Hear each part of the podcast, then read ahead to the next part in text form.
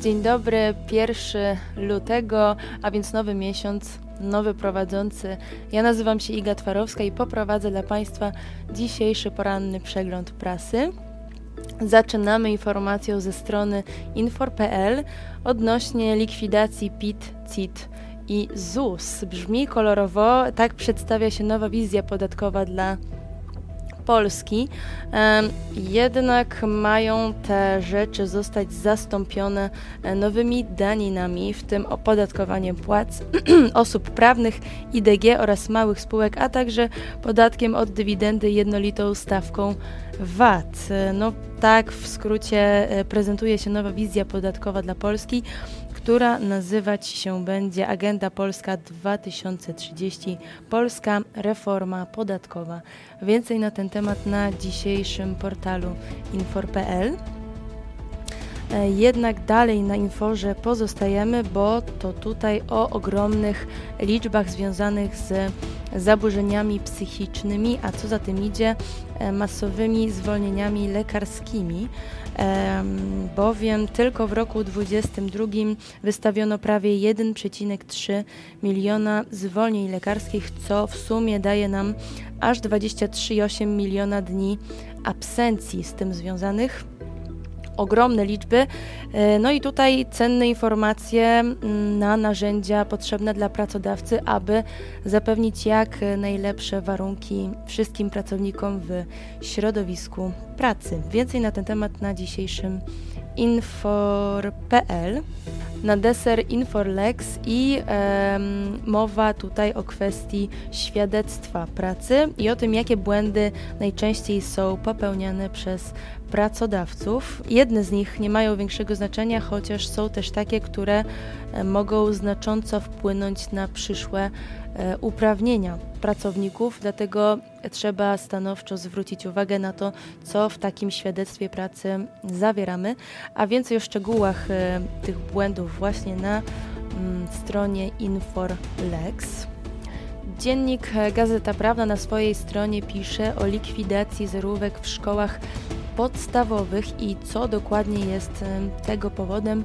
W dużym skrócie chodzi tutaj o niż demograficzny, a za tym idzie duża ilość wolnych miejsc w przedszkolach. O tym, jak dokładnie będzie to wyglądało, od kiedy te likwidacje e, zostaną wprowadzone, to na dzisiejszym portalu dzienniku Gazety Prawnej.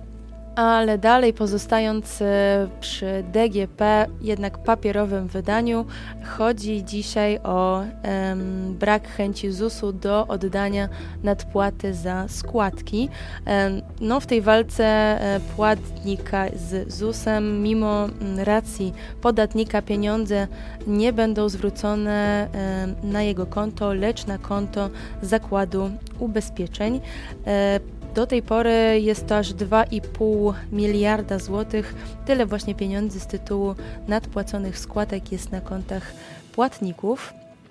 A co do szczegółach e, tego, od kiedy i e, kogo będzie obejmować ta decyzja, to w dzisiejszym wydaniu dziennika Gazety Prawnej Gazeta Wyborcza o rewolucjach w receptach. Chodzi tutaj o zamianę nazwy konkretnych leków na nazwę substancji. Mm, miałoby to spowodować łatwiejsze wypisywanie recept mm, plus e, redukcję nadmiernego e, wypisywania leków, no i nadmiernej też ich konsumpcji.